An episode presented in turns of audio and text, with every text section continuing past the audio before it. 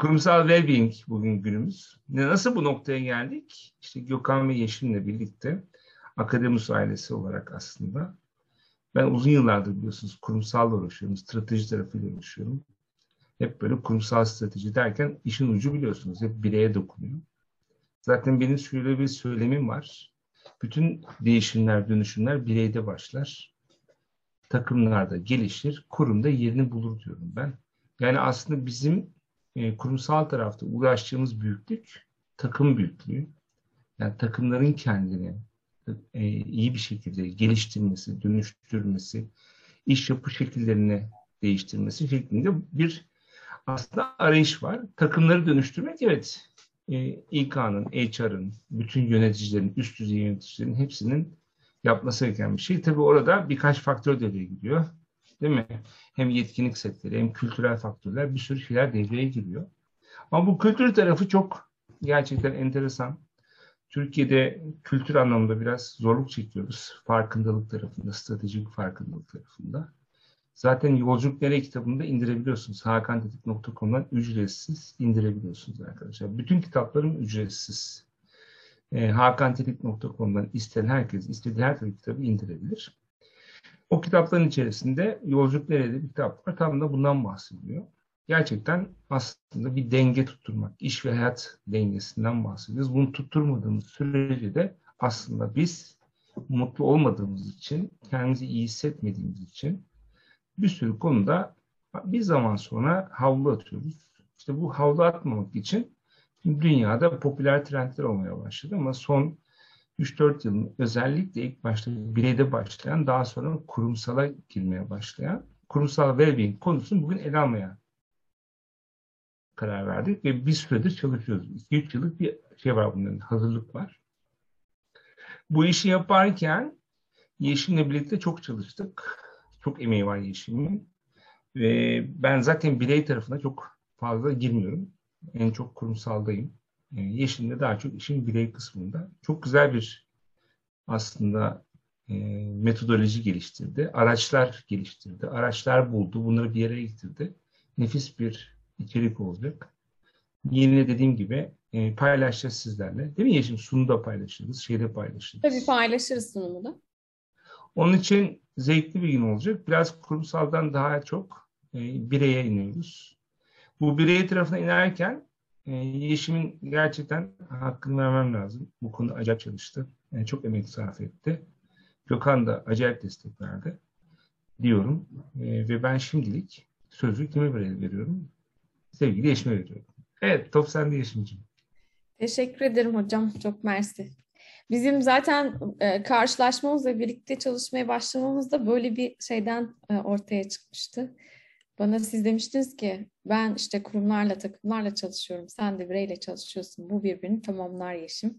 Yaklaşık 10-12 sene önceydi. Gerçekten de onu biraz taşlandıran bir şey oldu diye düşünüyorum şu anda. Ben de size teşekkür ederim. Çok mersi. Gökhan'cığım sana da teşekkür ederim. Ee, zaman kazanıyorum böylece belki bir kişi daha gel- gelir kaçırmaz diye. Hepiniz hoş geldiniz arkadaşlar bu akşam. Ee, gerçekten heyecanlıyım. Ee, bu akşam e, aslında çok böyle e, yepyeni e, bir şey Amerika'yı keşfetmiş gibi bir şey değil anlatacağımız ama e, anlamlandırdığımız yani bir araya getirdiğimiz e, bir bilgiyi paylaşacağız. Farklı bir bakış açısından. E, şimdi ben bir slaytlarımı paylaşmaya başlamak istiyorum. E, şöyle. Ekranım görünüyor mu? Görünüyor geldi. Tamam.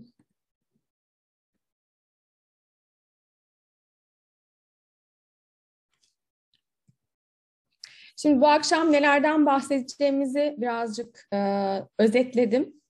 Böylelikle hani hangi aşamasında e, nasıl hissedeceksiniz, kendiniz de e, takip edebilirsiniz. Önce bir değişen iş dünyası ve insan kısmı, insan kaynakları profesyonellerinin dönüşümü ve odak alanlarını konuşuyor olacağız. Daha sonra kurumsal well-being'in anlamına bir kez daha dönüp bakacağız. Ee, çalışan deneyimi için kurumsal well-being uygulamaları ne anlama geliyor? Ee, bundan konuşacağız. İhtiyacı tabii nasıl tespit ederim? İhtiyaca yönelik çözüm önerileri neler olabilir? E, ve kurumda üst düzey e, yöneticiler, liderler ve ekipler için anlamı ne ve nasıl uygulanır? Dünyada kurumsal well-being için neler yapılıyor? Bunu konuşacağız. E, iş sonuçlarına katkısı ne olur? Ve kurumda da nasıl uygulanır? İş sonuçlarına yansımaları, çıktılar ve ölçümlemeler nasıl yapılabilir? E, kendi kurumunuzda well-being için siz neler yapabilirsiniz? Ve dünyada kullanılan uygulamalardan örneklerden konuşacağız. Bu e, yani bu sürece gelmek için bayağı bir dünya literatüründe bu işle e, ilgili neler yapılıyor bugün onu e, araştırma fırsatım oldu. Uzun bir zaman e, bunu araştırdım. E, Türkiye'de dahil buna. Dolayısıyla bütün bu araştırmaların e, sonrasında aslında e, çok e, bütünsel yani holistik yaklaşımı olan e, uygulamalardan örnek vereceğim size. Aynı zamanda kolektife de hizmet eden, kolektif yaklaşımı olan aslında ee, bir tanesini çok öne çıkaracağım bu akşam. Çünkü bana çok yardımcı oldular onlar da. Onlardan da bahsedeceğim size bu uygulamanın e, dünyadaki yaratışlarından. Kısaca kendimden bahsetmek istedim. Şeyi fark ettim. Ben aslında bu webinarlarda pek kendimi anlatmıyorum. E, bugün burada kısaca bir anlatayım. 52 yaşındayım ben. İzmirliyim e, ve anneyim. Bir kızım var, Çapa Tıp'ta okuyor. Ayrıca eşimin iki tane oğlu var. Dolayısıyla üç tane çocuğum oldu belli bir yaştan sonra. Ee, şanslıyım yani hazıra kondum öyle söyleyeyim bir kısmı için. 18 yıl kesintisiz çok uluslu şirketlerde çalıştım. Pazarlama direktörü yaptım, satış direktörü, ülke müdürlüğü, genel müdürlük. En son CMO'luk yaptım bir Alman şirketinde. Digital marketing uygulamaları, web app, progressive web app gibi e, bir uygulamaydı. Bunun e, yurt dışı pazarlara açılımını yaptım. ICF'ten e, onaylı profesyonel koçum. Aynı zamanda e, ilişki sistemleri koçluğu, kişisel strateji e, ve e, successor coaching. E, bunun Türkçesini şimdi bir anda e, söyleyemedim. Veliaht diyeyim ben ona koçluğu. Strateji, e, liderlik ve takım koçluğu işleri yapıyorum. Şimdi manifestation coaching diye bir şey yaptım yıllar önce. Böyle yaptıklarım hepsini bir, bir araya getirdiğimiz bir e, iş yapıyorum aslında. Dolayısıyla dört kadranlı kuantum koçluğu dediğimiz zihnin dört kadranını e, keşfettiğim zaman aslında 12 yıl önce ilk bunu keşfettiğimde bütün hepsini bir araya getirmem gerektiğini de fark ettim. Dolayısıyla e, hepsinin bir birleşiminden oluşturduğum e, şu anda bir takım uygulamalarımız var. E, doğrudan satış, e, dijital e, ortamlardaki yapılan satış, global pazarlara açılım ve startuplarda en çok yaptığım işler. E, bir gelecek tasarımcısı çıkışı yaptım yıllar önce. E, sonra şimdi son olarak da Save to Dreams diye online ve offline'da e, sınıflarımız var. E, Save to Dreams'i aynı zamanda e, yelkencilik yaptığımız için yelkende e, workshoplar da yapıyoruz. Bu yazda bunları yapmaya devam edeceğiz. Geçen yıl başlatmıştık. Bu yıl Gökhan'ın da çok büyük desteğiyle, Hakan Hocam'ın da e, çok büyük desteğiyle e, bu kısmı aslında bayağı bir ilerlettik. Şimdi global kriz geldi. Ne oldu? Aslında bir momentum yarattı. Değil mi? Ve aslında her şeyi de güçlü bir platforma oturttu ve e, çalışan deneyim de sıra dışı olmaya başladı. Ben örneğin hatırlıyorum ilk e, bu pandemi patladığı zaman bir anda havaalanları kapanmaya başladı. Ben de Romanya'da bir e, toplantıdaydım. Bir anda e, fark ettim ki uluslararası uçuşlar kapanmaya başlıyor. Paldır küldür Türkiye'ye attım. Ondan sonra büyük sessizlik gibi büyük kapanış geldi. Ve uzaktan çalışmaya başladık. Uzaktan çalışmak aslında bir sürü şey keşfettirdi bize. Hatta bizim Gökhan'la çok güzel bir ürünümüz oldu değil mi Gökhan? Uluslararası pazarlara online nasıl açılırsın şeklinde çok bir şey. yenilikçi. Evet. Çok çok yenilikçi ve Karayip korsanı diyorum ben kendimize bu konuda. Evet yani ciddi bir momentum oldu aslında. Krizden fırsat çıkar dedikleri buydu herhalde bizim için de. Kesinlikle. Ee, ve uzaktan çalışma başlayınca insan kaynakları için yeni yetenekler ön plana çıkmaya başladı. Bu arada bu insan kaynakları profesyonelleriyle ilgili olan yaptığım çalışmalar uzun bir dönemi kapsıyor ve arkasında hepsinin referansları var. Dilerseniz referansları da sizlerle paylaşırım. Ee, bütün dünyadan bir takım e, çalışmaların e, çıktısı bu akşam size sunacaklarım. Bir kısmının altında yazıyor, bir kısmında yazmıyor. Yazmayanları paylaşırım da. Ee, İK profesyonelleri için öne çıkan aslında yeteneklere baktığımızda bütünsel well-being var. Empati var ve verimlilik var.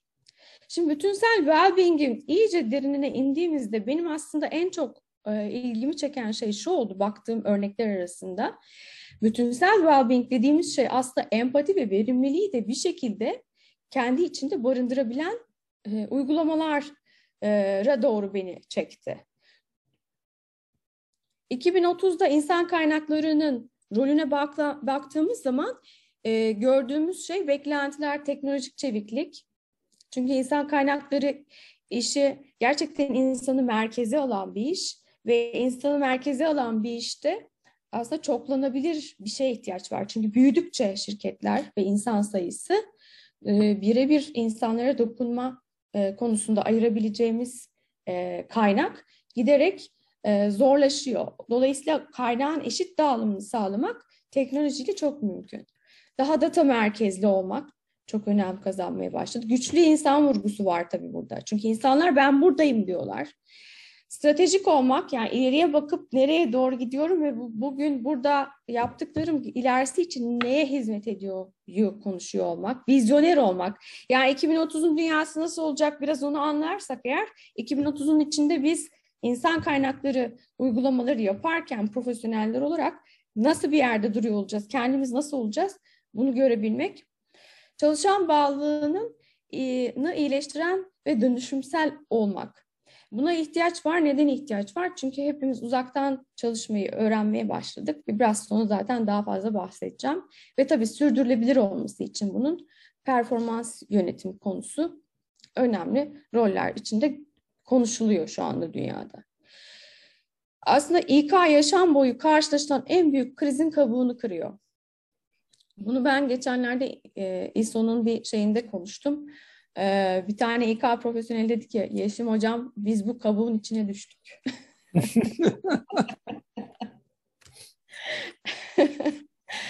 Şimdi İK liderlerine sorulduğu zaman demişler ki %72'si departmanlar üstü rollerinin değerinin arttığını ve genişlediğini söylüyorlar. Çok normal bir şekilde yani buna dönüştü. Çünkü gerçekten kendi başına uzaklaşınca şirketten, kendi başına kalınca insanlar ilk aslında dokundukları nokta insan kaynakları olmaya başladı. %59'da pandemiyle daha etkili ve görünür olduk demişler. Diğer taraftan çalışanlara sorulduğunda da onlar da yüzde altmış İK'nın rolünün değiştiğini fark ettim demiş. Bu da iyi bir haber çünkü İK da aslında kendi rolünün değiştiğini ve çok çevik bir şekilde de buna e, bir e, karşılık verdiğini anlıyoruz biz burada. Yeşim Hocam minik bir şey söyle ekleyebilir miyim? En son evet. sizlerle yaptığımız konuşmada Hakan Hocam ve siz e, özellikle şeyi vurgulamıştınız. Beni o kadar etkilemişti ki o. İnsan bir kaynak değildir. E, kaynaklar tüketilir. İnsan bir sermayedir. Bu sermaye her gün büyüyerek devam eder ve geliştirilmelidir demiştiniz. Bunun bütün özetini ben içimde böyle hissettim. Gördüğüm şey bu oldu. O yüzden paylaşmak istedim. Affedin beni lütfen. Yok çok teşekkürler Gökhan. Çok kıymetli bir şey oldu, paylaşım oldu. E, aynen öyle insan kaynağından söz ettiğimiz zaman işte sürekli beslenmeye ihtiyacı olan e, kaynak e, burada da tam yeri geldi.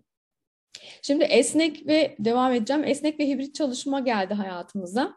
Dönüşen e, e çalışan beklentilerini İK'nın yükselmesini getirdi. Yani İK da artık buraya doğru yükseliyor ne yapacağım diye bakıyor. Temel ihtiyaçları aynı fakat yeni jenerasyon da eş zamanlı olarak iş gücüne katılmaya e, daha da hızlandırmış durumda. Çünkü yıllara baktığımız, yaş oranına baktığımızda şu anda bayağı bir hızlanmış durumda.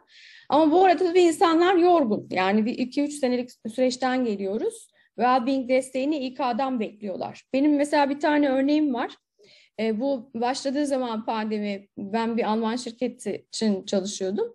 İşte e, geri döndüm. Döndükten iki hafta sonra çalışanlardan bir tanesi bana ulaştı. Dedi ki e, bizim dedi motive olmak için bir şeylere ihtiyacımız var. Bizi biraz motive edecek bir şeyler hazırlayın. Ne yapacaksınız bilmiyorum ama yapın. Oturdum ben kendi kendime böyle bir takım şeyler hazırladım. İşte bir gün e, kişisel gelişim sohbetleri günü, bir gün işte koçluk günü, bir güne yoga hocası buldum bir falan. Böyle şeyler yaptım mesela. Hani ben insan kaynakları değilim ama şirketin e, bu konuda destekleyecek bir şey kaynağı yoktu.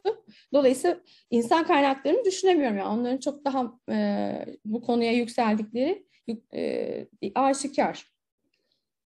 Sonra ileriye yönelik eğitim beklentisi e, öngörülüyor. Yani görünen o yapılan araştırmalar da bunu gösteriyor. Şirketlerin sponsor olduğu okullar var Amerika'da mesela. Böyle şeyler yapmaya başladılar. Sınıflar var. İşbaşı eğitimi zaten Türkiye'de de var stajlar, gelişmiş rotasyon fırsatları. Ülkeler uluslararası olan şirketlerde özellikle rotasyon fırsatları çok fazla bilirsiniz. Ama şimdi artık bütün şirketler bu fırsatları yeni jenerasyon özellikle yani bu konuda kendi beklentisini ortaya koyuyor. Dolayısıyla bu beklentiler karşılanmak için çalışılıyor. Dolayısıyla tabii bu arada şu var. Hani beklentinin de sonu yok. İhtiyaçla beklentinin dengesini kurmak da önemli. Dolayısıyla çalışan deneyimi merkezde olmak ve de bunun yanında çok önemli bir şey var. Çünkü gerçekten yeni jenerasyonla birlikte her ne kadar kendi içinde bulunduğumuz ülkede bir takım konularda biz zorlansak da dünyada çok net şöyle bir görünen durum var. Dürüstlük, otantik olmak ve güvenilir iletişim çok önemli.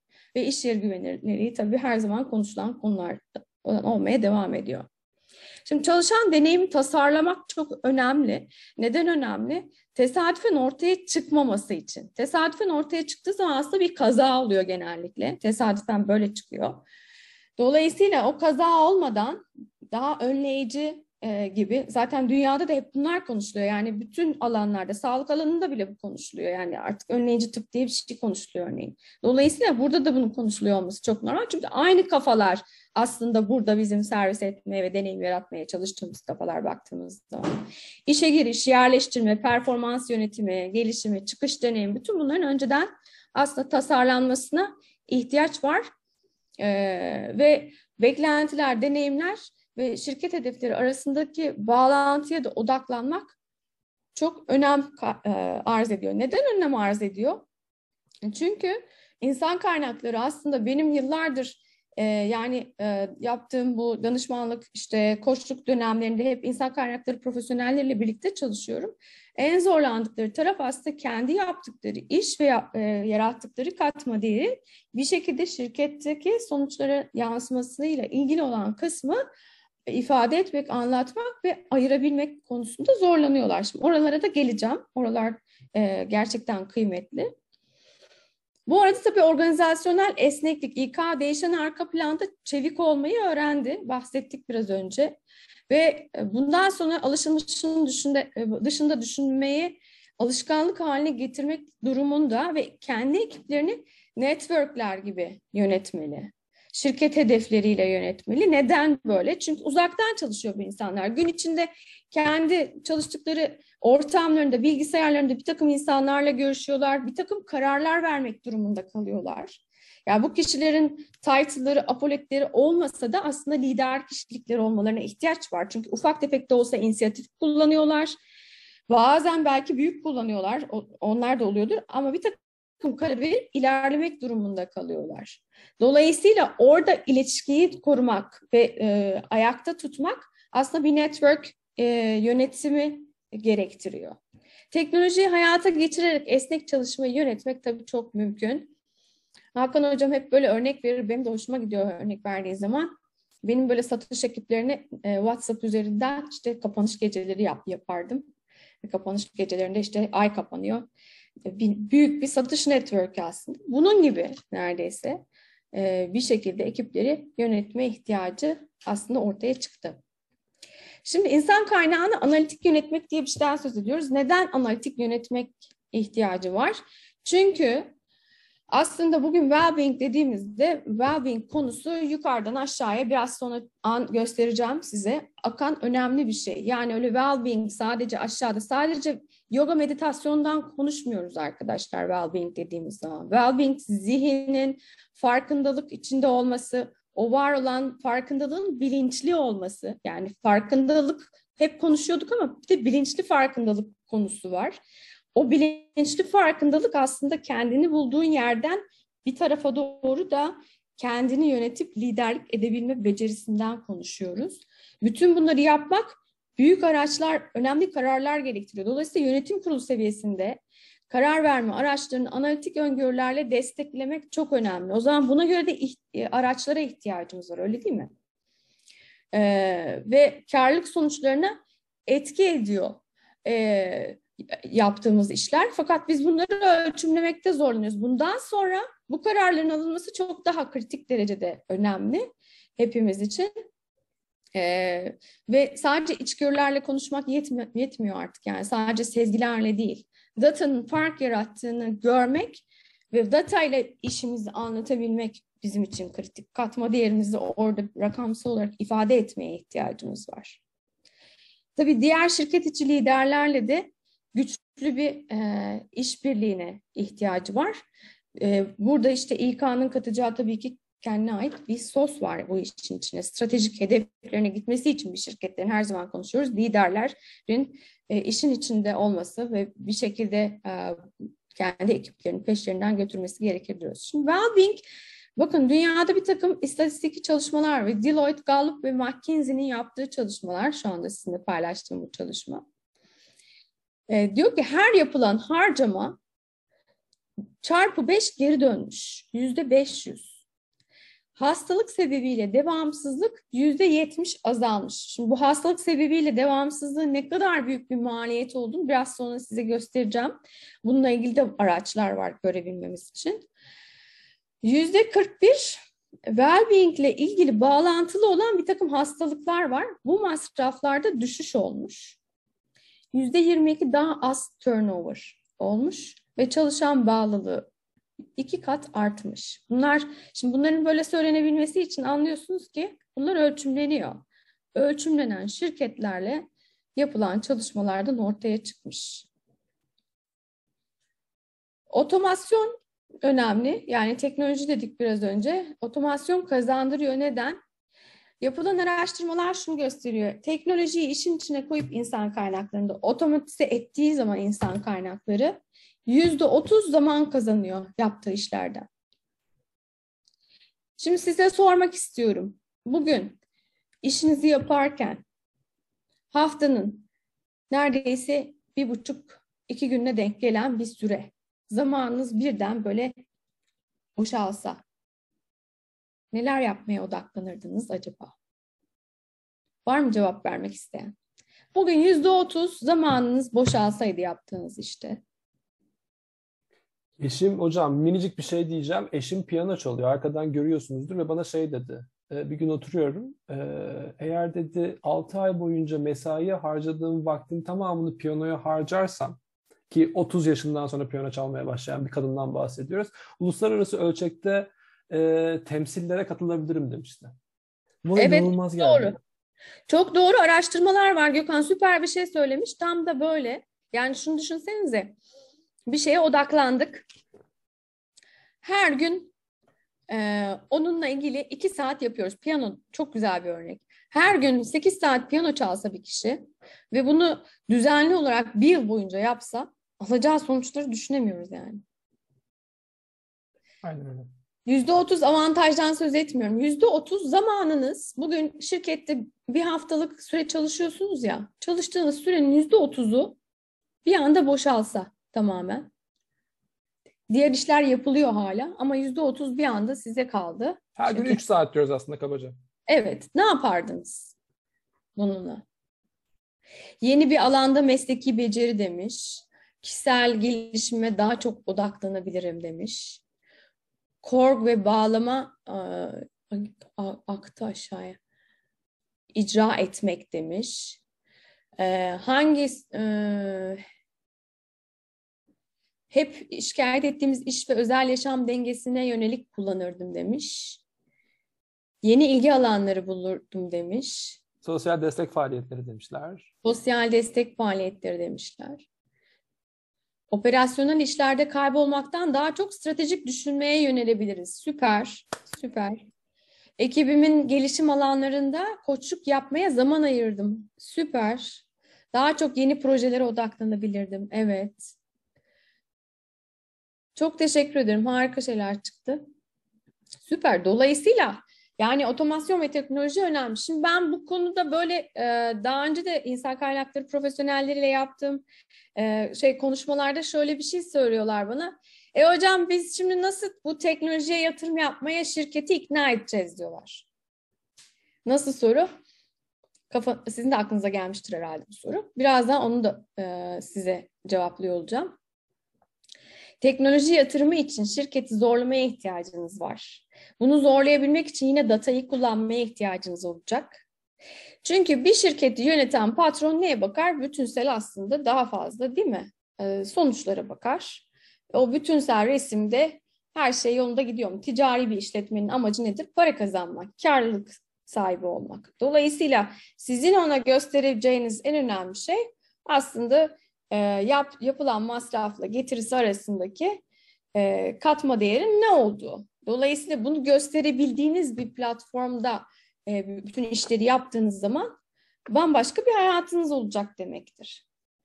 O yüzden e, buna ikna etmek için de önden bununla ilgili çalışmaları yapabileceğiniz, senaryolar geliştirebileceğiz. Yani bunu yaparsam sonucu bu olacak, sonuç bu olursa bu sonucun e, performansa katkısı, performansın da toplam e, alt bottom line'a etkisi bu olacak diye patrona gösterseniz değil mi? Ne olur? Gayet her şey kolay karar verme aracını yaratmış olursunuz. Dolayısıyla sadece iş karar vermeye kalır ve şirketin lehine olan her türlü şeyde patronun karar verip yapacağı çok aşikar. dolayısıyla teknoloji böyle bir katma değer yaratınca İK'nın da aslında katma değeri masada çok daha netleşecek, masaya gelecek artık. yapay zeka İK, İK'yı operasyondan özgürleştirecek evet ve böylelikle daha stratejik rolde olmalarına yardım edecek. Şimdi bu yapay zeka dediğimiz yer belki biraz daha böyle e, birkaç yıl e, yolumuz olabilir oraya doğru. Ama e, diğerleri için şu anda ilerleyecek araçlara e, aslında ulaştık diyebiliriz. Gökhan biraz önce sen dedin ya toplu istifalar. Ben şöyle bir örnek koymuştum. Ondan hemen bahsedeceğim. Şimdi bak, baktığımızda ilanlara, iş ilanlarına esnek ve hibrit çalışma ilanları e, LinkedIn'den aldım bunu. E, toplamda yüzde yirmisi ilanların. Şimdi e, kriz öncesinde millennial'lar demiş ki yüzde 52'si kriz öncesinde demiş bunu. Yani inanılır gibi değil. Yüzde 52 mutlaka esnek çalışma istiyorum demiş. Yüzde 70 de esnek çalışma işi daha çekici yapıyor demiş. Mutlaka dememiş. Şimdi durum böyleyken yani yüzde 52'si bizim aslında e, havuzumuzun esnek ve hibrit çalışma ararken ilanların yüzde 20'si bunu içeriyorsa eğer e, bu durumda bir anormallik yok aslında bugünkü durumda.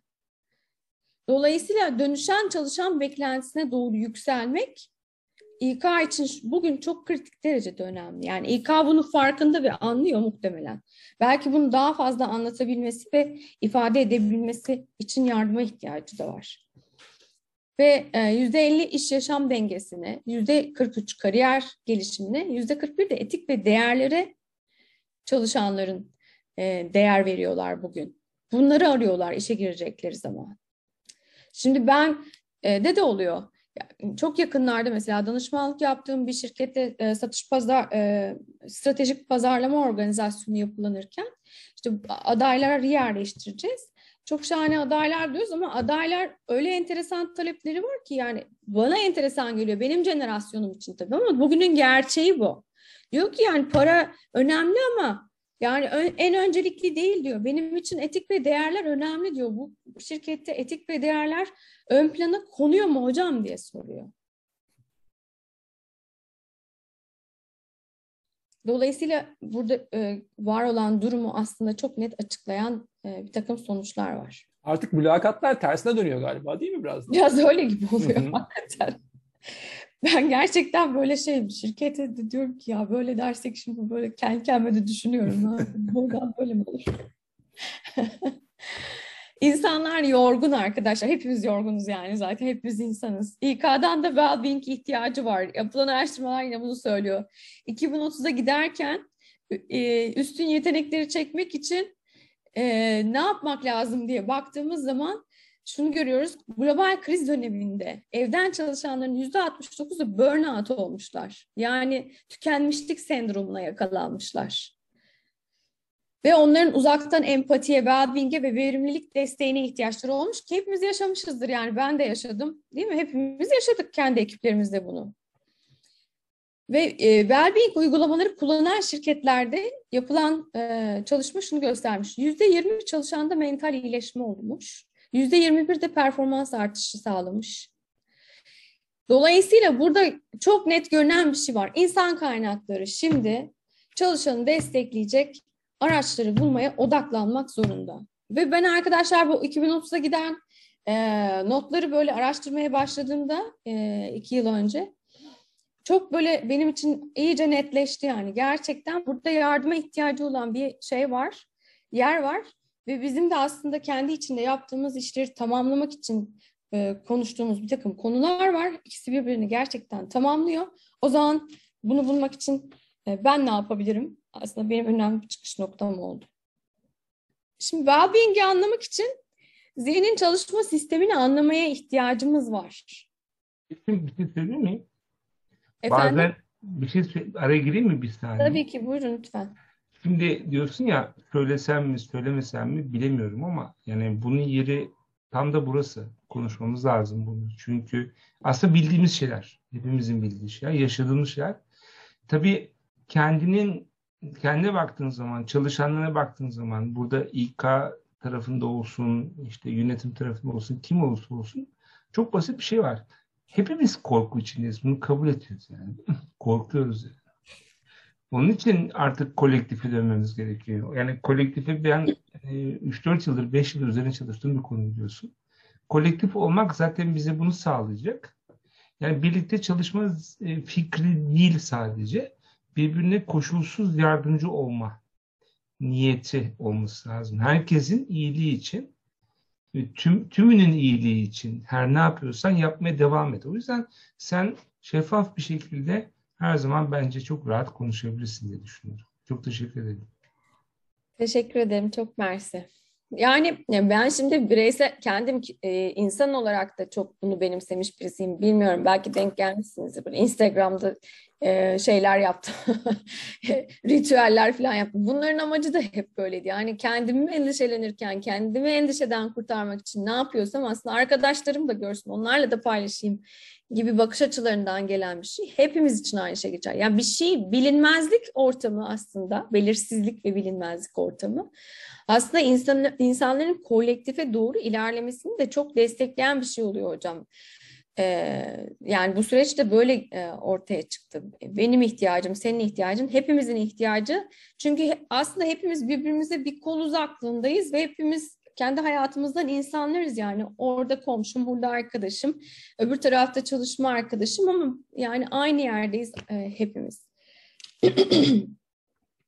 Şimdi zihin çalışma sistemini anladığımız zaman well-being tam olarak nedir onu anlıyoruz. Çünkü well-being böyle sanki sadece meditasyon yapacaksın, yoga yapacaksın, well-being olacak gibi a, tanımlanıyor bazen. E, orada eksik kalan bir şeyler oluyor. Well-being sadece e, aslında bizim e, psikolojik olarak durumumuzu düzeltmenin bir iki adım ötesinde bir şey. Bir kere biyolojik olarak şöyle bir şey var. Bizim a, zihin, beynimizin arka tarafında, amigdala tarafında böyle savaş ya da kaç sistemimiz var. Orası otomatik pilot diyorum ben.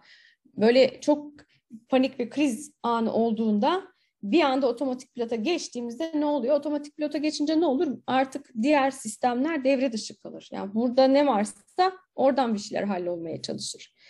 İşte stresi yönetmek için e, kendi kendimizle bunu yapıyoruz bazen. O zaman ne oluyor aslında? Farkındalık dediğimiz şey bir anda uçup gidiyor, yok oluyor farkındalık.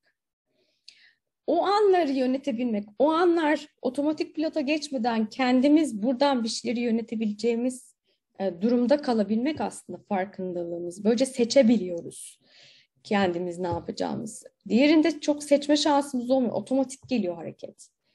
Hani bazen böyle pat bir şey yapıyoruz. Vay be yaptım ama falan oluyoruz. O oradan geliyor. Dolayısıyla bir tanesi bu. Stresi yönetmek kısmı. Psikolojik olan alışkanlıklar oluşturmak.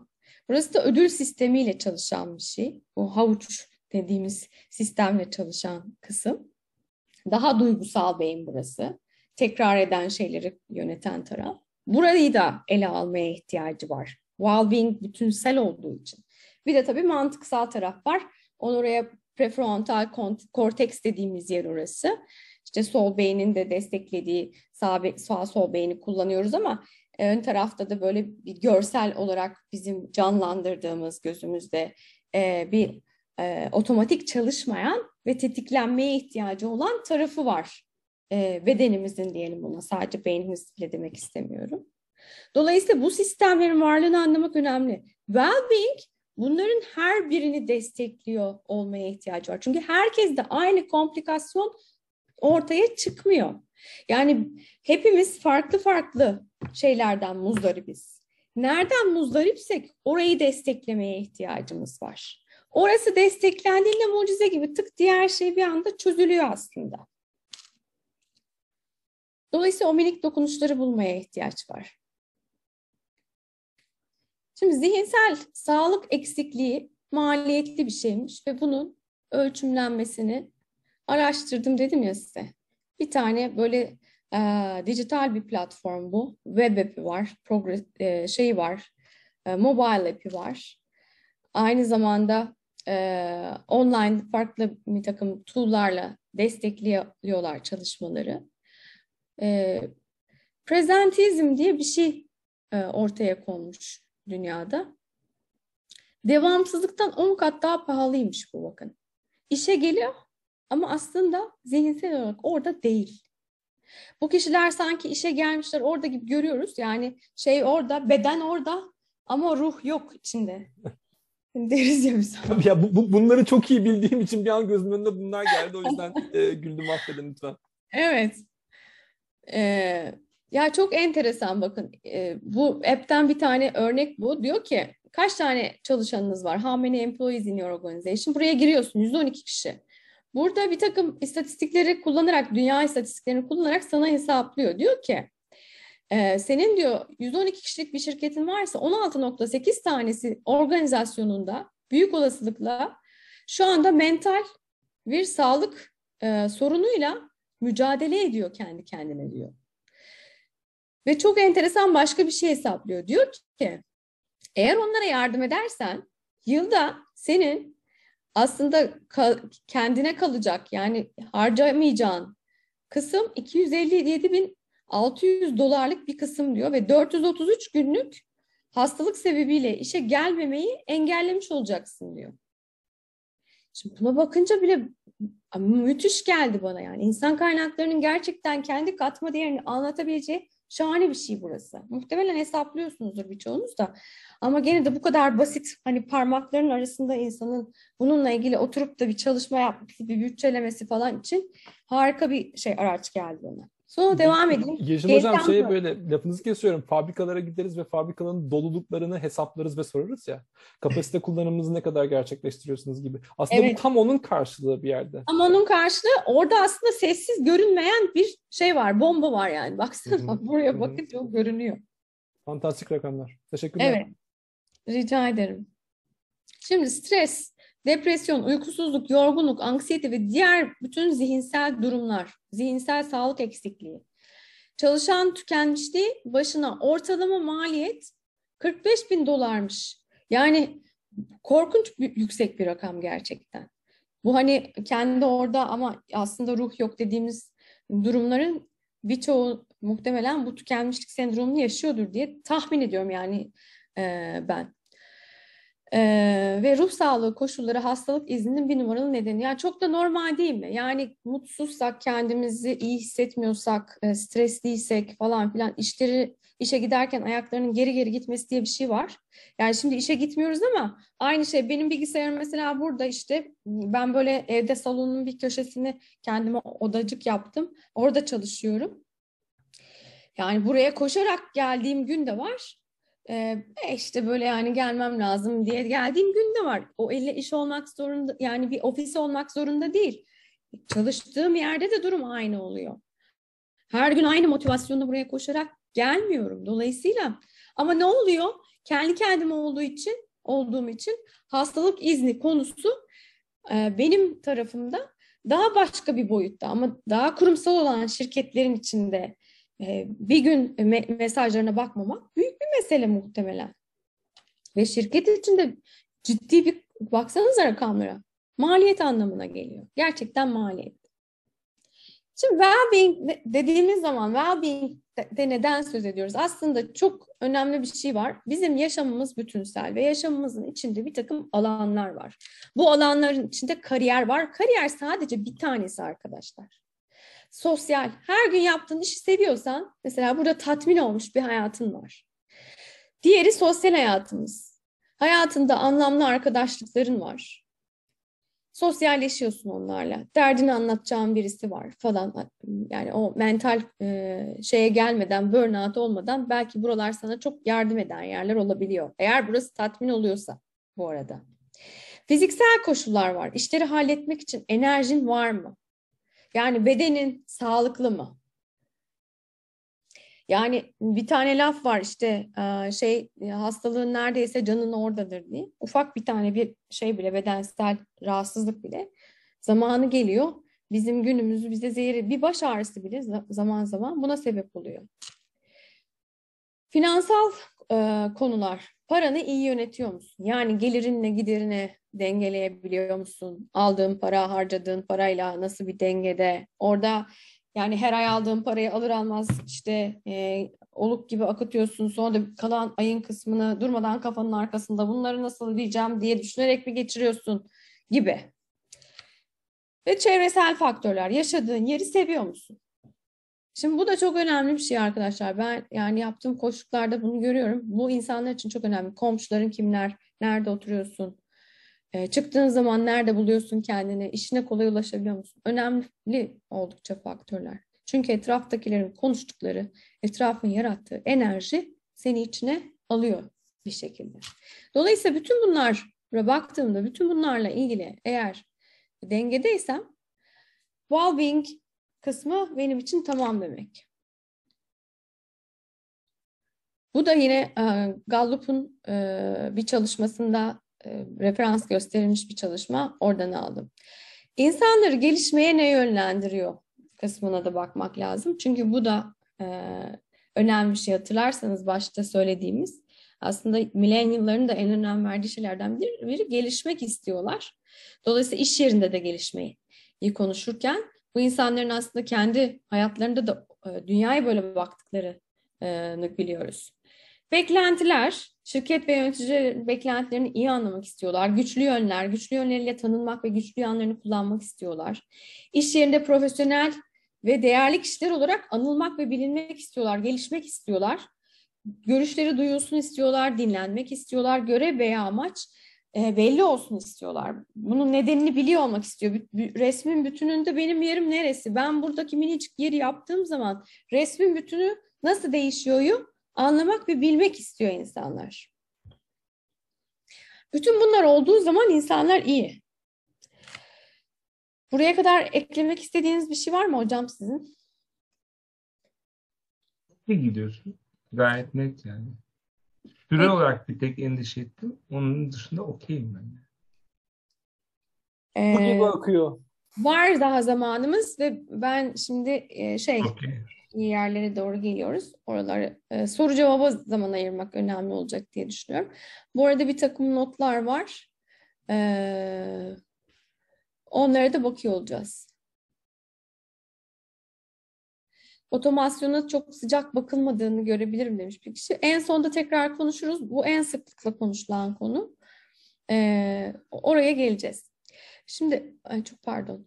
Wellbeing programları dediğimiz zaman Wellbeing programlarının içinde uyku konusu var. Stres, odaklanma, endişe, spor, verimlilik, iletişim, kişisel liderlik ve daha da fazlası var. Bütün o boyutları birazdan size daha fazla anlatacağım detaylı bir şekilde. Şimdi tabii düşündüğünüz zaman organizasyonu, organizasyon kocaman bir organizasyon well-being programlarına baktığında. Onu da anlatacağım. Nasıl yani bu kadar mesela ufak işletmelerde nasıl olacak, büyük işletmelerde nasıl yöneteceğim ona da bakacağız. Performansın önünde üç tane ana engel olduğu e, anlatılıyor. Çalışanların yüzde 95'i şirketin stratejisini anlamıyor. Yani şirket nereye gidiyor bilmiyor. Ve bunun da e, en önemli sonucu düşük bağlılık ve sonuçlanan üretkenlik ve stres kaybı. Çünkü neden? Nereye hizmet ettiğini bilmediği için yapmak istemiyor. Neden? Sonuç ilişkisini görmek istiyor. Çalışan bağlılığı seviyelerinin %13'e düştüğü söyleniyor Gallup tarafından bakın. Yüzde 87'si bağlı değil ya da bağlı olmadığı halde bunu ifade etmiyor aktif olarak. Ben şirkete bağlı değilim demiyor. Kendini saklamayı e, seçiyor.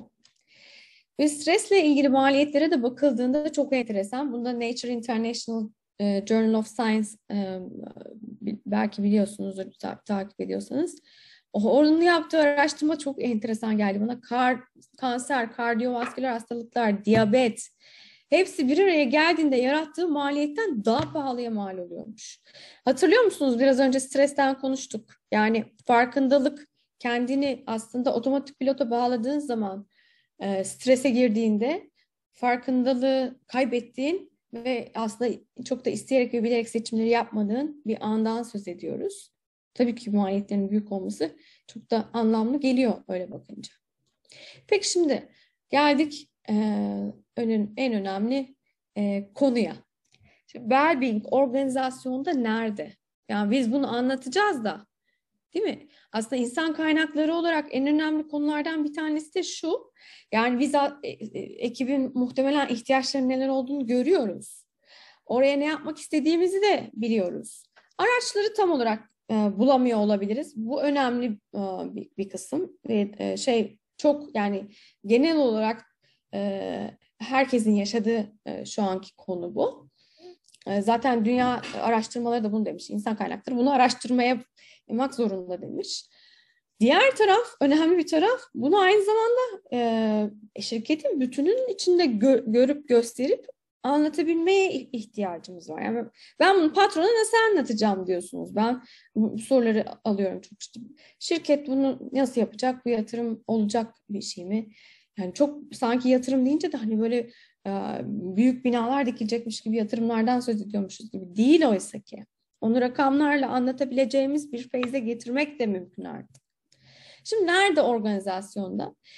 İşletmenin etkinliğinin yüzde sekseni organizasyonun yapısına bağlı. Şimdi organizasyonun yapısı derken neden söz ediyoruz? Bir kere üst yönetim kısmında. Bu gördüğünüz üçgenin en üstünde üst yönetim var. Genellikle şirketin yüzde beşlik kısmını oluşturuyor. Ve burası stratejik olarak şirketi yöneten kısım. Sonra onun bir altında orta kademe geliyor.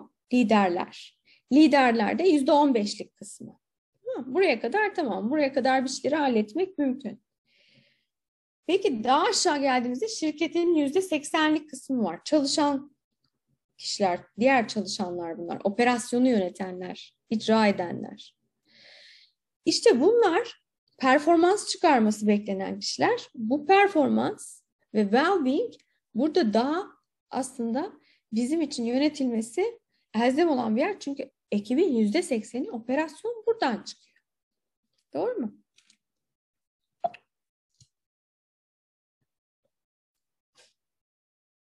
Tabii bu durumu böyle açıklayınca riskler neler olabiliyor ona da bakmak lazım. Şimdi yukarıda eğer şeffaflık ve misyon eksikliği varsa yani aşağıya akıtılmıyorsa bu pat, çok patroncu böyle ben bilsem yeter de kalıyorsa bu her zaman böyle kötü bir niyet de olmuyor bu arada yanlış anlaşılmasın. Öyle değil mi hocam? Siz daha iyi bilirsiniz yani bu strateji meselesi sizin meseleniz. Ben ahkam kesmeyeyim burada ama stratejiyi e, aslında üst yönetimin aşağıya e, indirememesi her zaman şey değil, şeffaf olmak istemediğinden ya da bir misyonunun olmamasından kaynaklanmıyor. Tabii ki öyle. Aslında üst yönetim biliyor ne yapmak istediğini ama çoğunlukla onlar da kendi içinde align değil. Yani onlar kendi içinde align olmayınca onların bir alt kademesinde yani orta kademe dediğimiz iş ve adam yöneten herkes aslında makine dairesi diyorum ya ben Yeşim. Hı hı. Stratejiyi evet. hayata geçirenler bir haber oluyor. Yukarıda da mükemmel bir uyum olmayınca en tepede gerçekten çok e, yukarıdaki bu, bu e, uyum aşağı yansımıyor. Orta kademe o zaman performanslı bir makine dairesi gibi hareket edemiyor.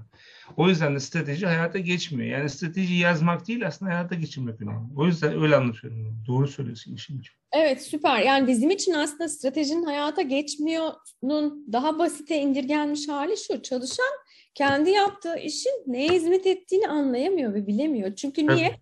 Orta kademede de bir de düşük vasıflı yöneticiler varsa yani liderler yukarıdan aldıkları aslında e, stratejiyi iyi bir yol haritası yapıp ekiplerine de konforlu bir yolculuk tasarlayamadılarsa ve onları anlatamadılarsa biz niye yapıyoruz bütün bunları? O zaman ne oluyor? Yani çalışan kayboluyor. Çalışanın kaybolması yaptığı işte çok aslında rutine bağlayan işlerde özellikle gerçekten zihinsel sağlığını bozan bir şey insanı yani. Bir şeyin ama hangi amaca hizmet ettiğini, amaç dolu olduğunu bilmek insan için çok önemli. Yani zihinsel açıdan çok önemli. Bir de tabii bazı şirketlerde çok güvene dayalı programlar var. İşte verilen avantajlar var. Tanımlanmamış net. Adamın kafasının arkasında sürekli bütün gün çalışıyor, bütün gün çalışırken güvene dayalı ya bu. Olacak mı olmayacak mı bir de? Aslında güvene falan da dayalı değil yani. O kadar da güvenmiyor. Çünkü güvene dayalı diye bir şey olur mu? Bir şekilde bunun tanımlanmasına ihtiyacım var ki adamın kafası rahat olsun. Çalışırken artık bunu düşünmesin. Bilsin ki ben işimi yaparım, paramı alırım. Avantajı da bu verecekler bana. Onu da vereceklerini biliyorum. Şeffaflık istiyor.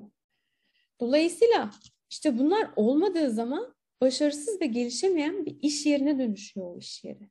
Sonra da o kadar yaptık her şeyi ne oluyor falan ne dönüyor olay. Şimdi bakın bir, bir kez daha şimdi bu tükenmiş sendromundan burada bahsedeceğim size. İlk bahsettiğim size sadece evde çalışanların COVID döneminde yani pandemi döneminde %69'u burnout deniyordu. Bu daha eski bir çalışma. Bakın o kadar eski çalışma. 2019'da da artık eski diyoruz ama diyor ki iş yerinde çalışan tükenmişliği çalışanların %76'sı ve %48'i yani çalıştıkları süreç içerisinde en az bir kere tükenmişlik sendromu yaşıyorlar. Ve nedenleri ne?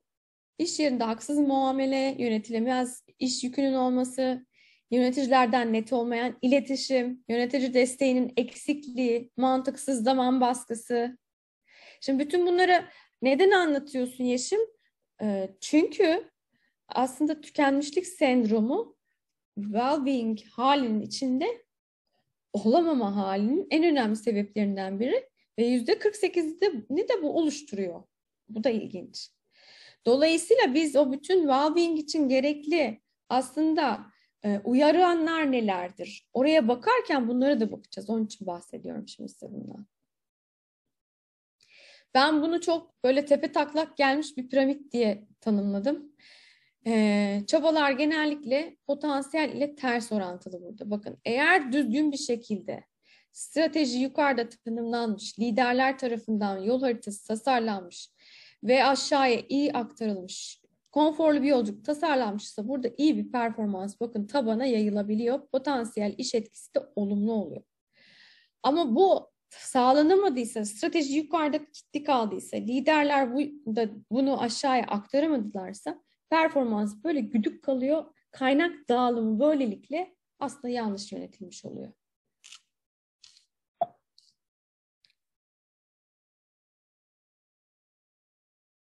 Şimdi her seviyede kurumsal well-being'i ve performansı arttırmak için araçlar var. Buna böyle bütünsel olarak baktığımız zaman işte e, o zaman e, her seviyenin kendine uygun ve ihtiyacı olan ihtiyacı neyse orayı biz bir e, reçeteyle tahmin ettiğimiz zaman e, holistik dediğimiz bütünsel şirketin well-being'ini tanımlayıp tasarlayabiliyoruz. Bir kere şirketin bütünsel sağlık performansını değerlendirmek için stratejik ölçüm araçlarına ihtiyaç var. Size bu aracı birazdan tanıtacağım ve göstereceğim. Çok güzel bir örnek göstereceğim size. Böylelikle böyle e, stratejik bir araçla e, yukarıya yani stratejiye kafayı takmış olan ve stratejiyi yöneten tarafa rakamlarla konuyu ifade etmek mümkün oluyor.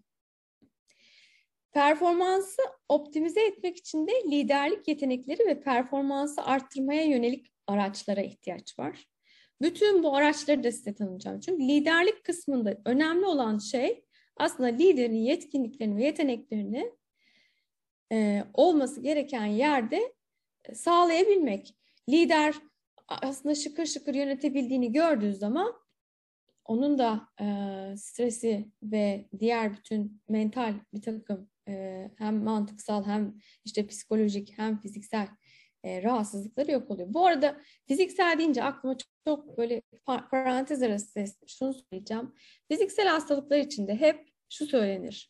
Aslında fiziksel bir hastalık ortaya çıktıysa bu aslında zihnimizin, yüreğimizin, aslında bizim duygusal hayatımızın içinde bir şeyler oluyor. O artık zurnanın zırt dediği nokta. Oradan bedenden tık tık tık tık tık diye içeriden kapıyı çalıyor demektir diye anlatıyoruz biz koşlukta.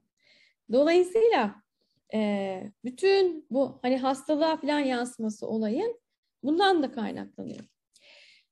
Sonra geçelim. Parantezi kapatıyorum bu arada.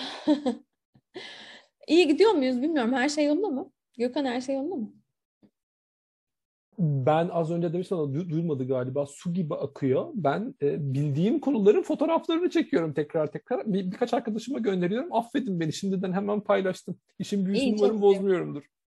Tamam çok sevindim. Öyleyse herkes için çok memnun oldum. Şimdi şirketin yüzde seksen kısmının bulunduğu yer kendine liderlik yeteneğini geliştirmek durumunda. Hedef koymak, kendi kendine davranış değiştirmek ve stres yönetim araçlarını kullanmak durumunda bu kadar insana birebir değil mi? Tek, yani buranın bir teknolojiden yararlanmaya ihtiyacı var. Onun için buraya yönelik de bir takım araçlar var. İşte app'ler var, web app'ler var. Anında hızlı bir şekilde herkesin yararlanabileceği e, bir takım araçlar var. Bunlardan da söz edeceğiz. Şimdi tabii bütün bu meseleler biraz deminden beri bahsediyorum aslında sadece mantıksal değil diye biraz daha bir kez daha söz edeyim. Mantıksal süreç vizyon ve strateji tarafında devam ediyor. Burası gayet böyle hardcore mantıktan ilerliyor. Sol taraf bunlar soldan konuşuyorlar. Fakat psikolojik süreç liderlik ve operasyonel olan kısımda tabii ki yer alıyor. Ve liderliğin e, yapıldığı operasyonun performanslı yönetildiği bir durumda verimli bir şirketten söz ediyor. Dolayısıyla buradaki psikolojik sürecin de bir e, yönetilme ihtiyacı var. Şimdi yapılan araştırmalar, yine çalışmalar sonunda ortaya çıkmış olan bir takım ekollerden bu.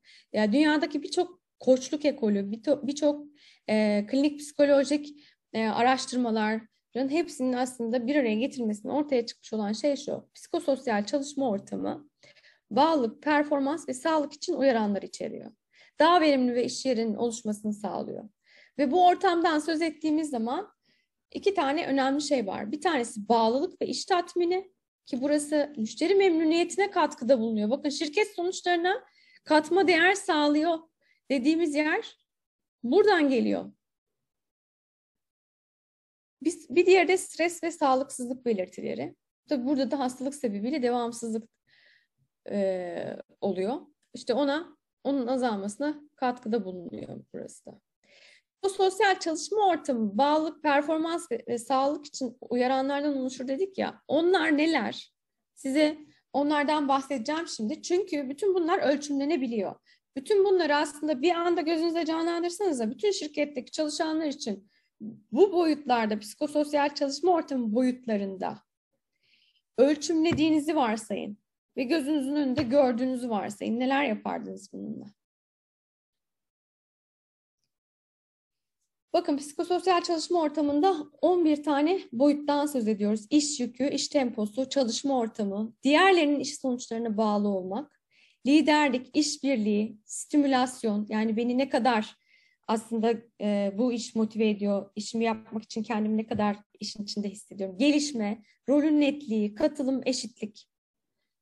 Ve bunlar e, kendilerini psikososyal sağlık belirteçlerine bağlıyorlar. Bunlar da otonomi, iş talepleri, optimal iş yükü, diğerlerinin iş sonuçlarına bağlı olmak, bakın iki tarafta da yansımış, sosyal destek, olumlu liderlik ve iş kontrolü.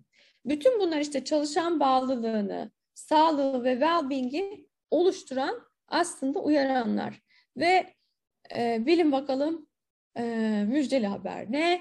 Bunlar gene müşteri memnuniyetine ve karlılığa katkıda bulunan faktörler günün sonunda ve yine hastalık sebebiyle devamsız süresinde azalmaya e, sebep olan faktörler olarak önümüze çıkıyorlar. Şimdi liderden çok konuştuk. Ben liderlerle çok çalıştığım için burayı bir kere daha gündeme getirmek istedim. Tekrar koydum. Bir liderlik ikilemi var şirketlerin içinde. Bu önemli. İki taraf için de önemli. Yani yukarısı için de önemli, çalışan tarafı için de önemli. Neden? Bir takım şirketler lider odaklı çalışıyor. Bazı şirketler çalışan odaklı çalışıyor. Şimdi lider odaklı çalıştığı zaman lider sanki böyle şey İsveç çakısı. Her işi o yapar. O kadar operasyonun içinde ki boğuluyor adam. Ya her gün sürekli bu operasyonel işleri var. Dolayısıyla boğulduğu için de kendinden beklenenin karşılayamadığı hissi ve endişesi var. Ve aşağıya da aslında ayırması gereken zamanı muhtemelen ayıramıyor. Çünkü operasyonel işleri yaptığı için stratejinin yukarıdan aşağıya yani şirketin büyük resminin ve anlamının yaptığı işin toplamdaki yerini göstermek için adam bir şey tasarlayamıyor. Yolculuk tasarlayamıyor ve etkisiz olarak algılanıyor. Aşağıya sorduğun zaman benim yöneticim, liderim etkisiz diyoruz. Diyorlar. Ama çalışan odaklı bir organizasyona baktığımızda orada lider böyle cool, sakin. O böyle biliyor ne yaptığını. Gayet böyle bir de çok saygı da görüyor yani. Çünkü çalışan geldiği zaman sakin dinliyor. Öyle amigdaladan hareket yok orada fazla. Daha farkında. Daha anda o adam dinliyor. Sakin. Soru soruyor. Cevap oluyor. Daha objektif. Ve bu organizasyonlar kendi kendini yönetebilir organizasyonlar. Daha verimliler. Çünkü adam aslında kendisi gidip de e, e, yöneticisine sorduğunda kendi ya alabileceği yardımdan emin o yardımı alıyor, öğreniyor, yoluna devam ediyor.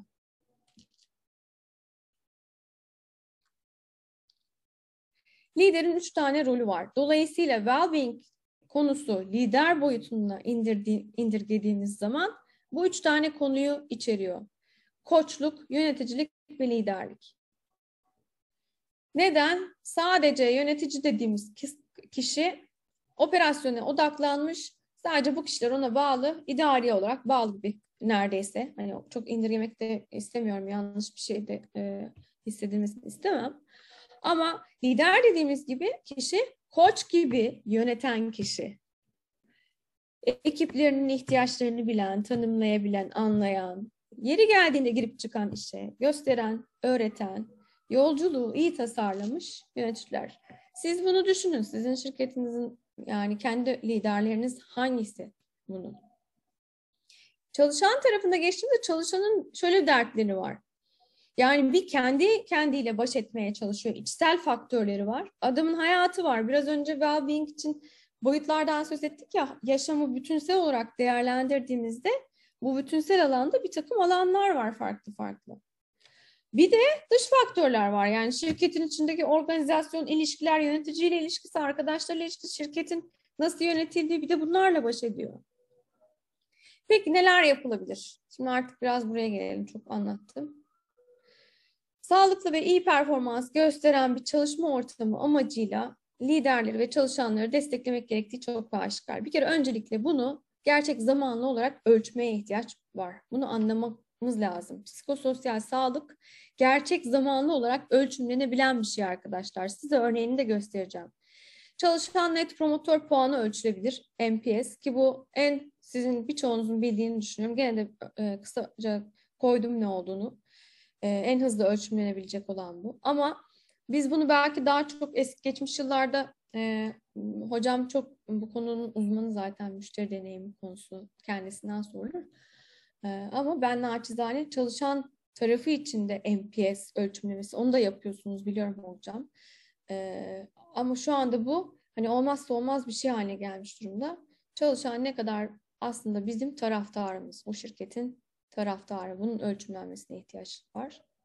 Aynı zamanda varsa değişimler, dalgalanmalar şirket içinde bu well-being konusuyla ilgili yani psikososyal sağlıkla ilgili bunların etkisini izlemek için de ölçümleme yapılması önemli. Ya da bir plan yaptık, o planı ölçüp çok iyi değil mi? Şimdi bugün bir well-being programı tasarladık. Bugün ölçtük önce bir resmi, gördük. Buna göre bir tasarım yaptık. İki ay sonra ya da bir ay sonra bir daha ölçtük. Böylece ne yapıyoruz? Katma değer ne olmuş? Neler iyileşmiş? Ve sonra iş sonuçlarına da dönüp bakıyoruz. İş sonuçlarında neler olmuş?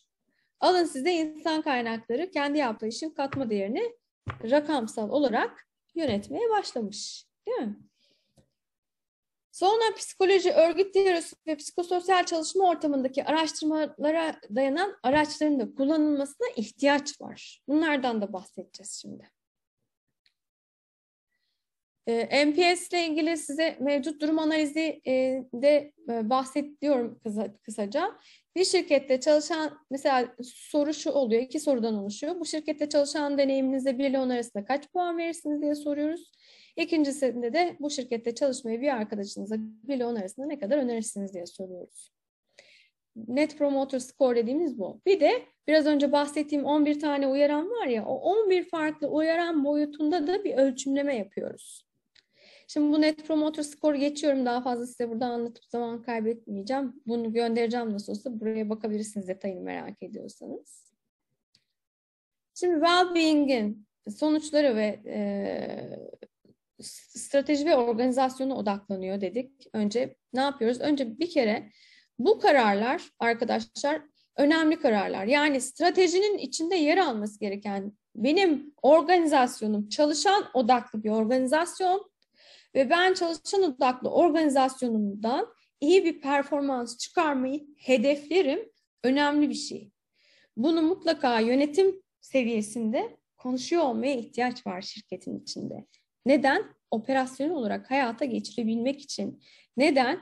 Bütçelemek için. Bir takım insan kaynakları senaryolaştırıp bunu ben bu çalışmayı yaparsam bu kadar para harcarım. Bunun karşılığında çalışan performansının şu şu şu seviyelerinde böyle artış olur. İşte işe gelmeme bu kadar düşer. Sağlık harcamam şu kadar azalır gibi bir takım ölçümlemeleri yapabilir hale gelir. Ve liderlik kısmında da liderlik eğitimi ve koçluk. Burada anlık çalışılan bir takım anketler var. Yine şimdi göstereceğim size. Ee, anlık böyle anında parmaklarınızın ucunda tık diye ort sonuçları ortaya çıkaran. Ve dijital bir takım koçluk araçları var. Yani online yapıldığı gibi bu koçluklar ki artık tamamen online yapıyoruz. Yani ben herhalde son iki senedir bütün koçluklarımı neredeyse tamamen online yapıyorum. İki kişi falan var yani böyle offline yapmak isteyen gelen. Onun dışındaki hepsi online yapılıyor. Ama bunun bir adım ötesi var. Bu artık dijital araçlara embed edilmiş yani içine konmuş bir takım tool'lar var. Bir de tabii operasyonel yayılımı sağlamak için yani aşağıya doğru bunun yayılımını sağlamak için ve kendine liderlik etmeyi bu kişilerin alışkanlık haline getirmeleri için e, bir takım günlük dijital kullanılan araçlar var. Organizasyon için burada önemli olan ne? Hedefi belirlemek ve takip etmek değil mi?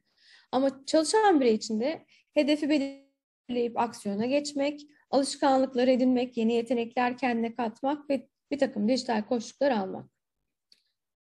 Bakın burada aşağıda size bu bahsettiğim dijital bir platformdan söz ediyorum ya baştan beri. Bu app'inden bir takım bölümler, e, resimler koydum buraya. Göstereceğim de size. Bu mobil app'ten e, örnekler buradakiler.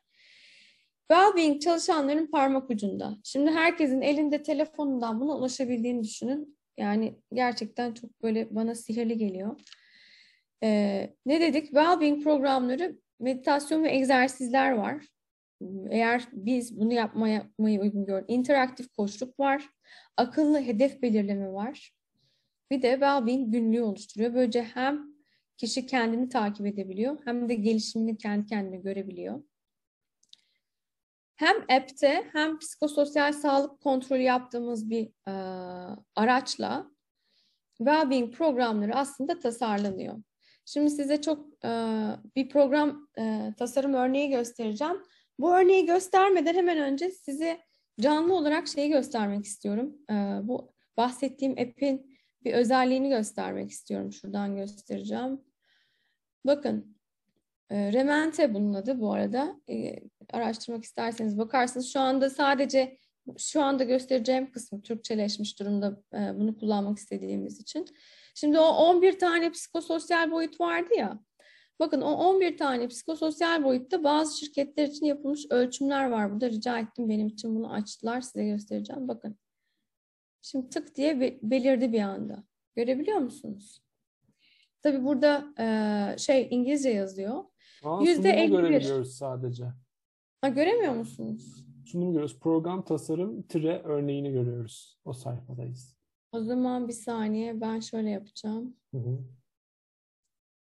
Ben oraya bir geleyim tekrar. Ee, Tamam. Bekliyoruz. Bir dakika. Şunu görüyorsunuz.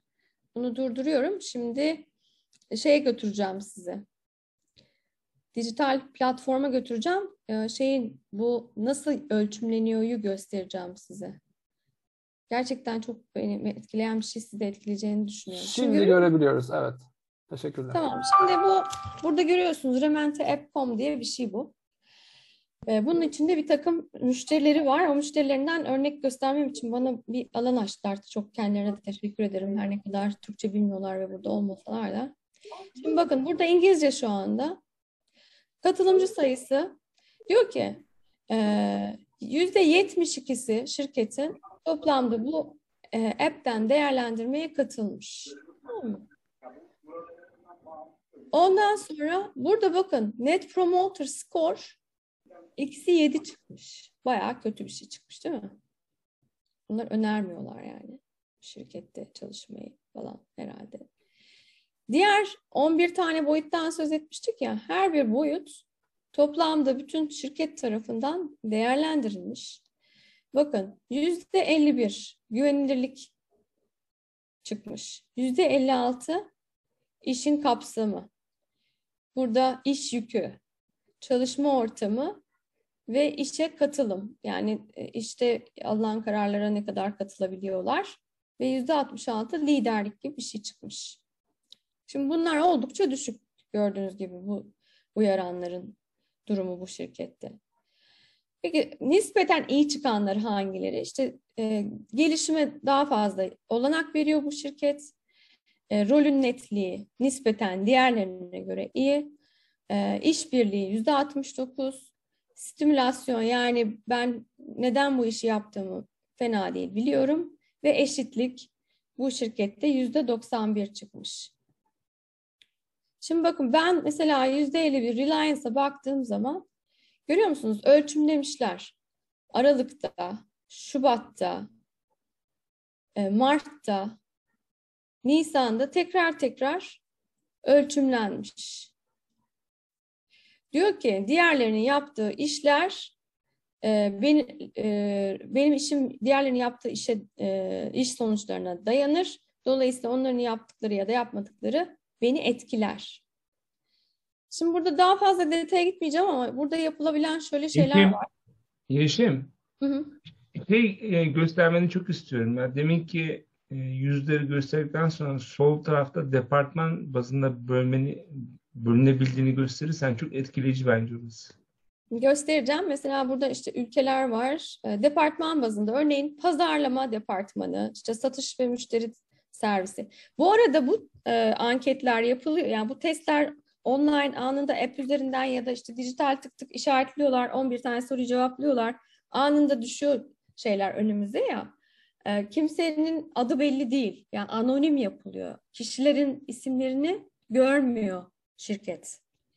Bunun en önemli şeyi de bu zaten. Neden? Çünkü öbür türlü çalışan güvenmiyor ve bu soruları cevaplamıyor. Ama departman bazında ya da burada ne kadar disk şey yapmak isterseniz, kırılım yapmak isterseniz, şirketin kendi tercihine bağlı kırılım yapılabiliyor. Mesela burada satış ve müşteri hizmetleri diye bir bölümü koydum. Yokmuş herhalde bunlarda böyle bir departman. E, finans diyeyim. Finans dediğimi bakın aynı şirkette finans departmanındaki sonuçlara bakın. Çok vurucu işte. Orada liderlik Değerler sorunu var şu an. Mesela yüzde 69'larda olan sonuç burada mesela Reliance, Development mesela gelişme biraz öncekinde da, ne kadar iyi bir yerdeydi. Burada değil. Liderlik sorunu var demektir. Evet, stimülasyon aynı şekilde o stimülasyon en önemlisi. Çünkü işin neden yaptığını burada anlayamadığını söylüyor finansta. Oysa ki overall şirkette yüzde yetmiş küsur anlıyorum iyiyim diyordu. Burada çok net bir şey var. Demek ki buradaki lider bu yolu ya iyi anlatmamış ya da bunlar anlamamış. Yani burada bir sorun var. İşbirliği. Liderlik de zaten çok normal. Bak yüzde 44 çıkmış burada. Görüyoruz yani bunu burada. Değil mi?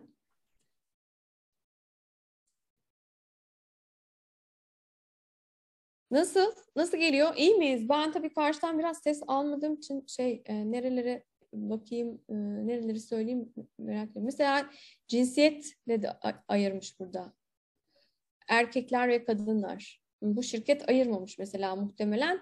Çünkü bazı şirketler bunun da bir diskriminasyon olduğunu düşünüyorlarmış. O yüzden kabul etmiyorlarmış kadın erkek ayrımını. O soruyu koymuyorlarmış. Bu şirket belki de öyle bir şirket. Şimdi ne oluyor? Biz buradan ölçümleyince artık bütün bunlara e, bu 13 e, tane boyuta hizmet eden bir takım reçeteler var. Yani hem üst seviyedeki e, kısım için, liderler için ve çalışanlar için 450'ye yakın farklı e, aslında çözüm önerisi var bu şeyin, e, bu app'in ve web app'in. Ama sadece bununla kalmıyor. Şimdi tekrar sunuma geçeceğim. Burada sormak istediği soru olan var mı? Buradan çıkacağım şimdi.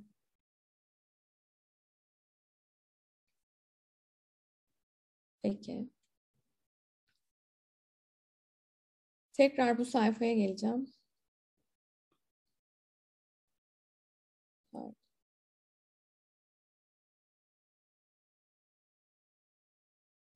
Şimdi ne oluyor? Ben önce bir bunu e, bir fotoğrafını çekiyorum. Ondan sonra bir çalıştaya giriyorum hep birlikte.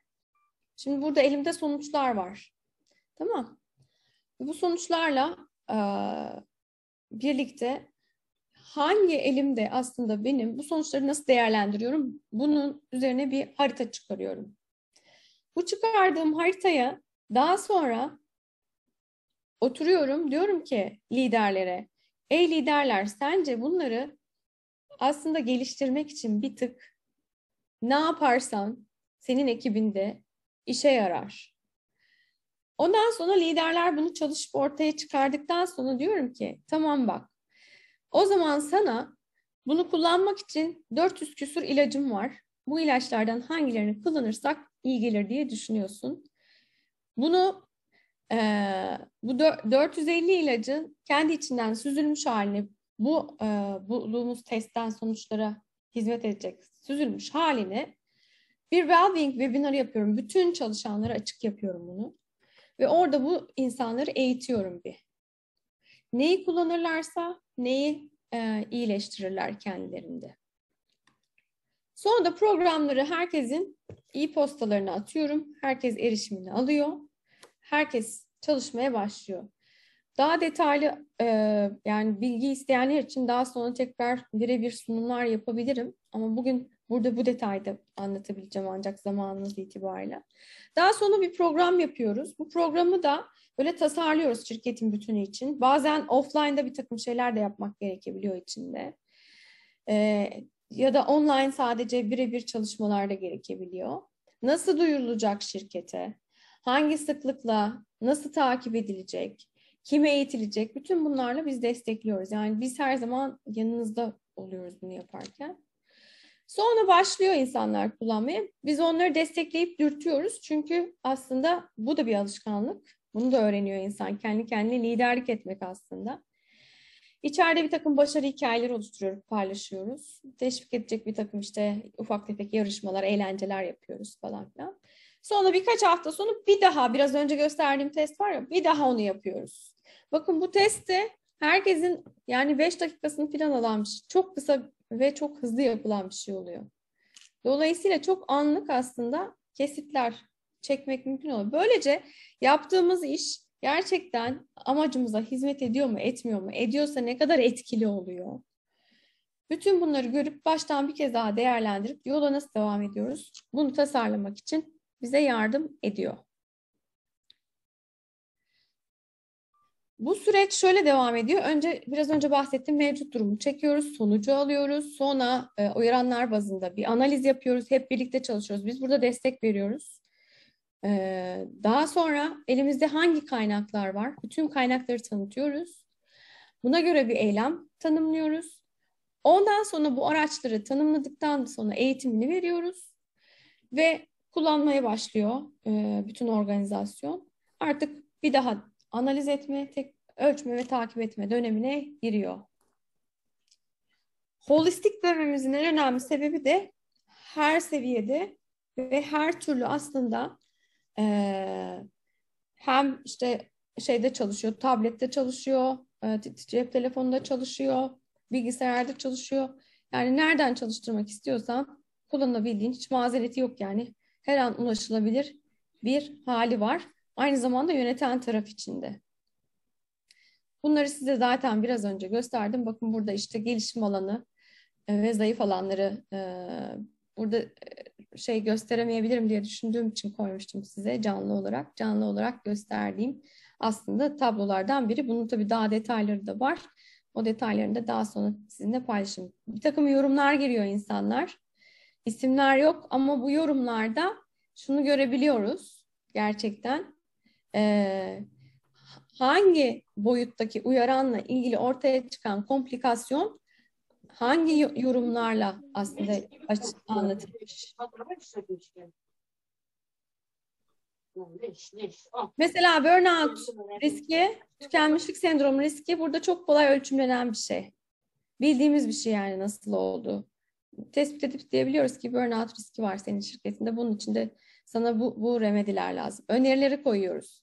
Mesela buradaki tabloya ben öneriler yazmışım size örnek olsun diye. Katılım oranını arttırın. Niye? %38 katılmış organizasyon. Muhtemelen duyuru kısmı yapılırken e, doğru olmayan bir şeyler yapıldı herhalde.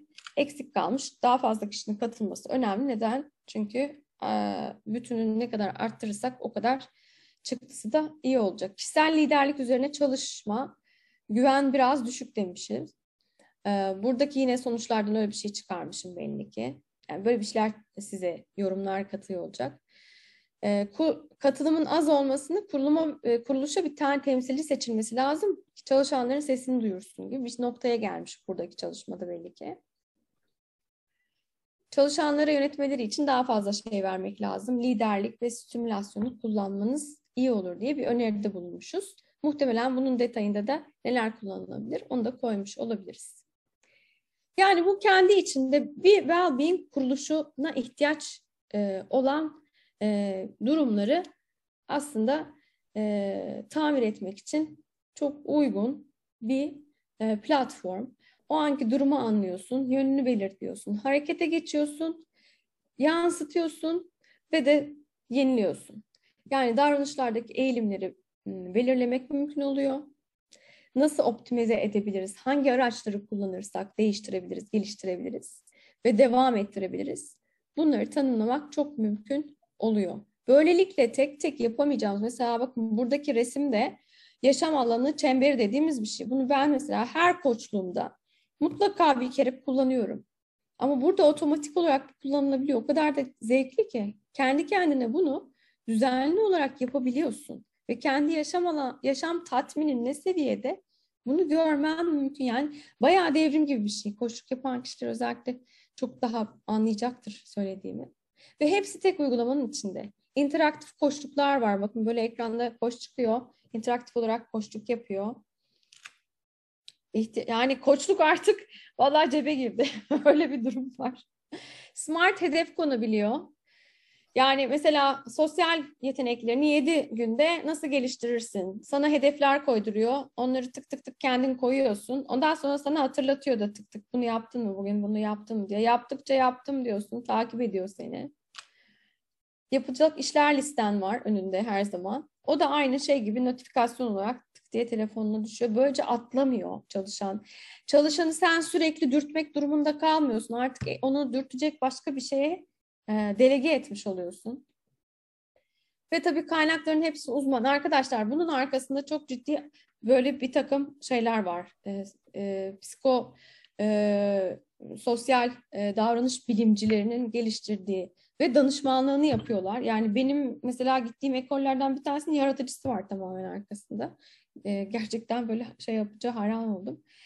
Ve herkesin kendine ait bir well-being günlüğü oluyor. Düşünsenize ne büyük bir şey, adı nedir? Ee, kültürel olarak da büyük bir yansıma. Well-being günlüğüm var yani.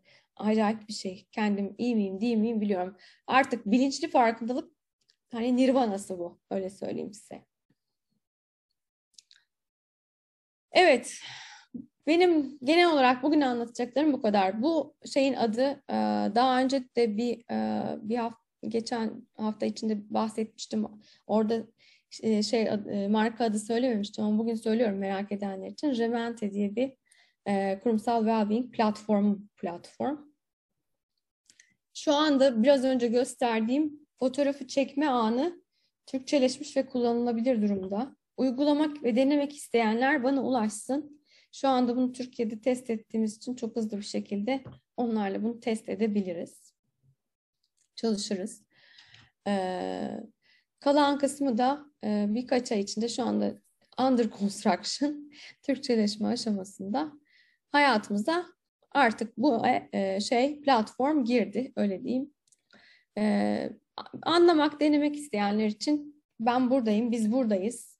Gökhan, Hakan hocam, ben hepimiz e, Yıldız, bu akşam Yıldız e, şey adı nedir bir rol alacaktı ama sonra böyle şeyimiz değişti. Programımız biraz değişti. E, böyle oldu. Yıldız hepimize ulaşabilirsiniz. Benim telefon numaram, e-mail adresim burada. Hepinize çok teşekkür ederim. Şimdi artık sorularınıza geçebiliriz. Sana alkış verelim. Bravo! Hadi bakalım. Ağzınıza sağlık. Çok teşekkür ederim. Şimdi sorular var chatte. Biraz oraya dönüp bakalım olmazsa. Chatten, sor, chatten sormak zorunda değiller. Yani isteyen açsın kamerasını konuşsun. Okey bence de daha iyi. Ben de şimdi diğer şeylerden böyle e, alışkanlık olduğu için. E, kendiniz sorabilirsiniz. Çok daha iyi olur. Herkes de duyar.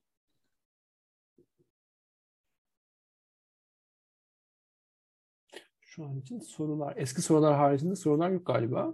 Ama dediğimiz gibi soruları sesli olarak alırsak sizin de sesinizi duymuş oluruz.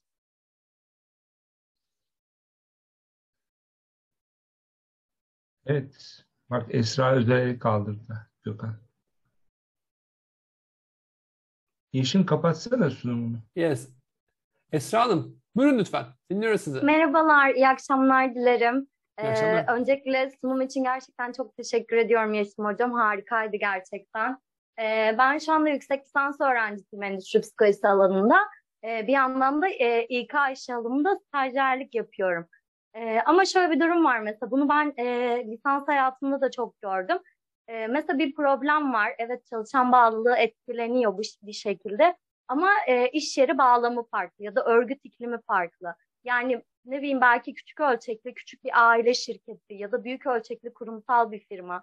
Biz burada problemlere göre yaklaşımlar sergiliyoruz. E, ama firmaların da kendi içinde kendi özellikleri var. E, buna karşı nasıl bir yaklaşım sergiliyorsunuz Yeşim Hocam? Yani hani bunu nasıl ayırt edip de daha sonrasında mesela nasıl farklı yaklaşım sergiliyorsunuz? Böyle aklınıza bir örnek geliyor mu? Hani bunu kurumsal hayatta yapabiliriz ama bunu işte geleneksel bir aile şirketinde uygulayamayız şeklinde örnekler var mı? Tabii ki var. En iyi yaptığımız şeylerden bir tanesi. Ben özellikle aile şirketlerinde e, koçluk e, yapıyorum. E, benim uzmanlık alanlarımdan bir tanesi. Şimdi biz tabii şirketi dinliyoruz önce. Dolayısıyla orayı dinlediğimiz için e, oradan bize gelen e, ve duyduklarımız neyse e, bununla hareket ediyoruz. Yani şimdi bu teknolojiyi kullanarak yaptığımız için sanmayın ki herkese bir tane çözüm var onu veriyoruz. Hı hı. Değil tabii.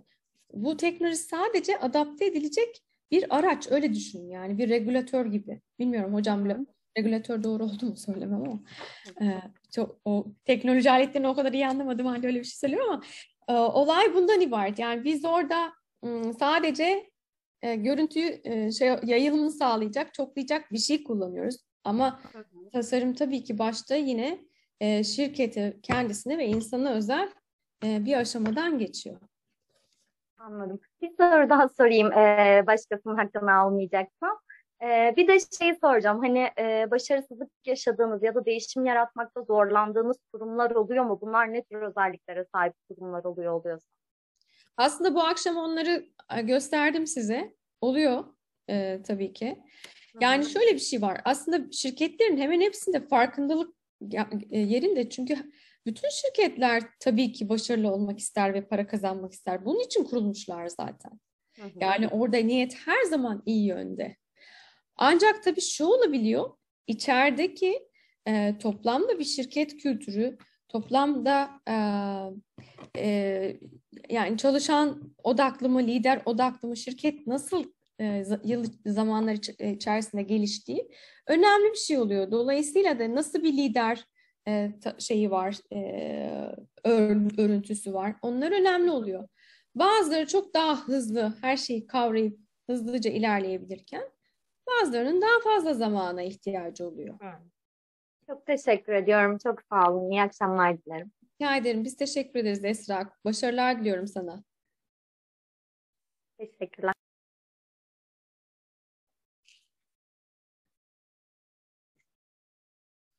Soru yoksa kapatalım seansı. Tamam. Zaman, Sorumuz yok. zamanını nasıl izleyebilirim diye soruyorlar. Ee, Gökhan sen bunu paylaşacaksın herhalde değil mi? Evet, aynen paylaşacağım. Bir yandan da e, infoakademus.org adresini paylaştım. Birçok da mail şu anda düşmeye başladı. Sunumu yarın sabah sizlerle bu mail adresi üzerinden paylaşıyor olacağız. Evet. Evet. Süper. Peki. Hmm. Mükemmel bir sunumdu. Başka sorusu olan yok ise e, Fazla iyi anlattın herhalde. Evet, evet. Yani mükemmel zaman kullanımı diyorum ben buna. Ağzınıza sağlık. Ay teşekkür ederim. Hocam öğreniyorum galiba. Zamanı. Estağfurullah. Yeşim tebrik ederiz. Gayet güzeldi. Teşekkürler Alen. Çok mersi. Ale, Alem bile dayandıysa bu sınava bak. Vallahi bu- sonuna kadar kaldığın için Alen'cim ben de seni tebrik ediyorum. Seni seviyoruz kardeşim. Kendine iyi bak. Bay bay. İyi Ben de akşamlar. ayrılıyorum. Görüşürüz. Teşekkürler hocam. Hoşça kalın. Katılımınız için çok teşekkürler. Herkese e-postam aşağıdan paylaşmıştım. Dilediğiniz bütün soruları bize oradan paylaşabilirsiniz. Yeşim Hanım da kendi e-posta adresini paylaştı. Zaten bütün sorular, yorumlar ve taleplerin her biri Yeşim Hanım'a da iletiliyor olacak. Bana hemen dönerseniz eğer çok yani mutlu olurum. Mutlaka yani bunu test ediyor olmak çünkü şu anda çok önemli bizim için Türkiye'de hızlı bir şekilde. Ee, bu biraz önce gösterdiğim e, Remente Pulse çeki e, yapabiliriz, uygulayabiliriz. Hepimiz için de anlamlı bir şey olur. Siz de katma değer sağlamış Hı hı. olursunuz aslında kolektife. Mükemmel. O zaman çok teşekkür ediyorum. Katılım için Ben herkese çok çok sağ olun. Gökhan çok Ee, mersi. seni çok yorduk. Ee. Bence bence hemen hemen dinlenip güzel bir su ve e, biraz gırtlağını ıslatmanı rica ediyorum. Ben bütün misafirlerimizi tek tek yolcu edeceğim. Seni yormayalım. Tamam, ben Zaten çok sana- zevk aldım. Hepinize geldiğiniz için çok teşekkür ediyorum. Görüşmek üzere. Hoşça kalın. Teşekkür Hoşça kalın, ederiz. Bay bay. Hoşça kalın.